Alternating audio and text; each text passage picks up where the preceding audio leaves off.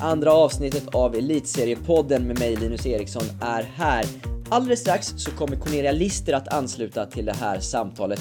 Cornelia, före detta rankad 72 i världen i dubbel. En av Sveriges absolut bästa tennisspelerskor de senaste åren. Men innan hon ansluter till samtalet så bara en liten kort roundup över de inledande matcherna i årets serie. Precis som eh, jag och Todd förutspådde i våran eh, införpodd så har Växjö fått en tuff start på årets serie och eh, visserligen haft två tuffa lag de har mött i inledande matcherna men, men förlorat mot både Påvelund och Salk. Påvelund som har varit den här seriens stora utropstecken hittills har alltså slagit just Växjö men framförallt så slog man idag söndag när det här spelas in eh, Enskede på bortaplan med 3-1, alltså de re regerande mästarna. Och det sätter Enskede i en liten prekär situation i och med att man har Salk att möta på tisdag på bortaplan. Skulle Salk spela med Miriam och eh, Björklund och Rebecca Petersson så kan Enskede eventuellt få det tufft i den matchen och då är man på håret att kanske inte gå vidare till semifinal. Ja, vi får se vilket lag Salk ställer på benen. Det ska bli väldigt intressant att följa.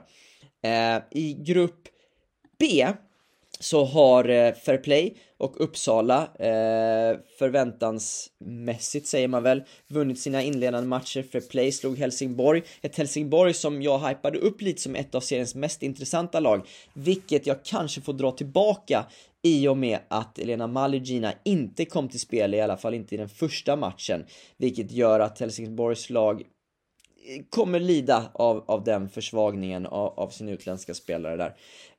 Eh, Uppsala har inlett med att besegra GLTK och eh, KLTK båda gångerna med 3-1 i matcher. Så både Fairplay och Uppsala står på två segrar var och vi snackar om en tidig seriefinal eh, på måndag borta i Uppsala, något som jag och Cornelia Lister tar upp i det här avsnittet också. I den serien så har GLTK inlett med, med två förluster eh, mot ja, de två topplagen eh, Uppsala och Fairplay. Så eh, vi får se om GLTK kan återhämta sig och plocka några vinster i de avslutande matcherna. Men nu så välkomnar vi Cornelia Lister in i samtalet.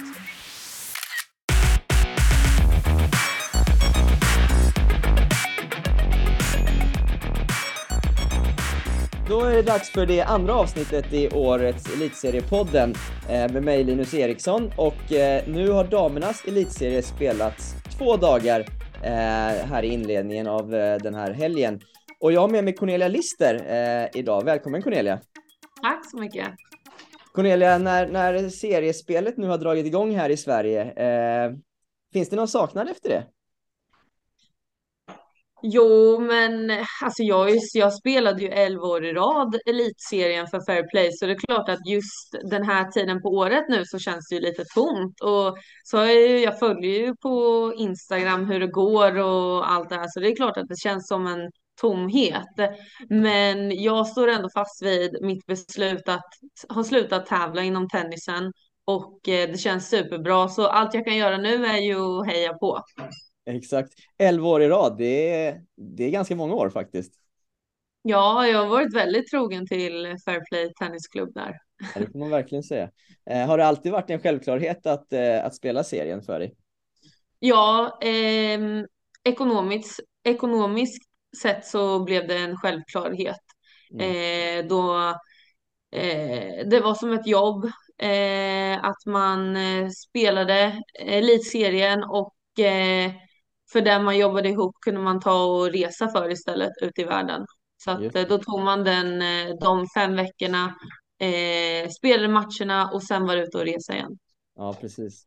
Från de här elva åren då så har du varit med om eh, ganska mycket. Eh, hur, hur, många guld blev det för dig? Kommer, har du det i huvudet? Ja, men vi hade ju ett eh, jubileum, 50-årsjubileum på Fairplay eh, och eh, jag tror inte vi kom fram till hur många det blev eller det är ju totalt så är det ju med utomhusserien och individuellt och allt så jag, jag vet faktiskt inte men jag skulle ju kunna chansa att det var i alla fall hälften eh, guld i alla fall. Ja, det är otroligt. Vad Har du några, några liksom speciella favoritminnen som du kan dela med dig av från, från elitserien framförallt, eh, från din egen karriär? Eh, jag har väl eh, när jag var spelare andra singel på hemmaplan i Malmö och jag var sist kvar Mm. och jag hade ingen aning om hur det hade gått för de andra och sen när jag slog in matchbollen var jag tvungen att fråga de andra bara Alltså hur går det? Vann vi eller förlorade vi? Och då när de sa vann så bara ah. Wow. Då var det gåshud på riktigt. Och sen är det väl när man får sätta på sig hatten och eh, skrika och gapa med alla andra. Ja, just det. Men vad ville du inte veta under matchen hur det gick i de andra matcherna då? Eller var det Nej, bara... man fokuserar på sig själv in, in till det sista såklart. Jag kan ju bara påverka, påverka mig själv. Så att det nu var lika låter- bra att inte veta liksom. Nu låter du som en tränare nästan. Här, Jo, men det är jag ju också nu. Lite meant to be. Ja. Du Cornelia, var det nära att du ändå skulle spela serien eh, i år också? Nej, inte alls. Inte alls. Inte alls nära.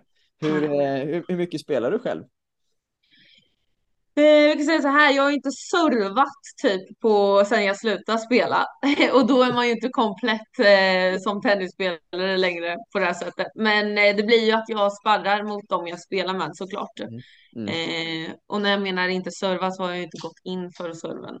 Nej, men du, har ändå putt, du har ändå knuffat över några. Ja, det har jag gjort. och ta i har inte behövts riktigt än. Ja, jag förstår, jag förstår. Du, berätta lite. Du, du är ju både tennis och paddelcoach idag. Eh, berätta lite hur, din, eh, hur, ditt, hur ditt liv ser ut. Eh, jo, men just nu har jag ju rätt många bollar i luften eh, och jag tycker att det är väldigt skönt att inte vara fokuserad på en och samma grej som det varit hela mitt liv annars, att tennisen är mitt allt och det är mitt jobb och, och det är min kärlek och det är mitt liv och yrke och allt det här. Så att nu har jag eh, tennistränare, jag är paddeltränare, jag ger löplektioner, jag ger eh, fys, alltså gymlektioner. Eh, ja, lite allt möjligt liksom. Så att eh, det är jätteroligt att ha en varierande vardag kan man säga. Ja, det kan jag verkligen tänka mig. Men, men det är inget du liksom har någon tanke att så här, specialisera dig på eller? Du vill ha många olika grejer i luften? Ja, jag tycker att eh, jag håller motivationen uppe då hela tiden och eh, jag tycker det jag gör är ju roligt. Så då får jag bara göra roliga grejer istället för att eh, när jag bara spelar tennis så blir det ju att det är ett måste. Och det är ju inte varje dag kul, utan nu har jag ju det här. Det, jag ser fram emot varje dag faktiskt. Det låter jätteklyschigt, men jag gör ju det. Eh, och sen så tävlar jag i padel också, så att då får jag också få ut mitt eget spel. Ja, just det, just det. Eh, hur, hur nära är du landslaget där? Jag tror att jag närmar mig nu. Jag har, gjort, eh, jag har tävlat och spelat i ungefär ett år. Jag har gjort det väldigt bra och slutade som någon topp åtta i Masters-spelet kan man säga, i slutspelet. Härligt. Så att eh, vi får se kanske till nästa uttagning om jag är eh, intressant för dem. Ja, vad härligt. Det närmar sig alltså. Mm. Eh, Cornelia, eh, om, vi, om vi pratar om årets elitserie här, har du följt med att det är varit lite nya regler i år eh, i den? Vet att det har jag längtat och väntat efter så länge. Alltså vi har pratat om det här så länge för att just vi som tävlar på touren, fem Ja. veckor och ge för elitserien, det är alldeles för länge. Ja, Eh, man missar många tävlingar och stora tävlingar så här dags på året också. mm. Eh, och sen är det ju också många som väljer att spela seriespel så att tävlingarna är ju inte lika tuffa som de brukar vara så här års heller. Så att det här upplägget är ju precis vad eh, jag tror alla spelare vill. Sen blir det, väl, det är väldigt tufft schema men då, det, gör, det är ju bara för det positiva. Då kan man dra därifrån och, och resa igen liksom. ja, Och göra sitt viktiga jobb. Ja, så du tror att det är, det är bra att det är mer komprimerat och eh, en kortare period med andra ord? Eh, Absolut. Känns som. Du, vad tycker du om eh, till exempel regeln att det är två utländska spelare som, som tillåts i, i varje lagmatch nu till exempel? Mot förut. Nej, men det tycker jag också är jättebra för eh, det har ju annars gjort att det inte finns några regler och inga begränsningar och det är inte rättvist för alla heller. Eh, så att jag tycker också att det är jättebra och det är någonting som har behövts göra också. Så Mm. att vi, vi har ju en, ett seriespel här i Sverige för svenskar. Eh, men utomlands så finns det ju också regler eh, när man spelar seriespel och det är ju just för att de lokala ska få spela. Mm, mm. Just det, just det. Ja, positiv eh, Cornelia här, eh, hör jag. Mm. Det, det är härligt. Du, hur mycket har du koll på Fairplays lag i år då? Fairplay som har varit ditt lag under alla åren. vad tror du om deras chanser i år? Jo, men det är klart att jag har koll på läget och tjejerna.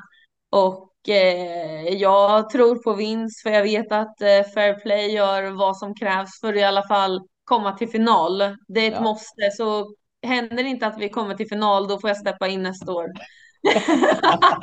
wow, okej. Okay. En, en, comeback kanske på gång här då. Ja, vi får, det, får, det får vi se efter mm. det här slutspelet då. då. Ja, eh, jag gissar att Fairplay eh, verkligen i alla fall vill gå till slutspel i och med att de är arrangörer för, för, eh, för hela slutspelshelgen också. Så det vore ju riktigt surt om de inte gick dit gissar jag.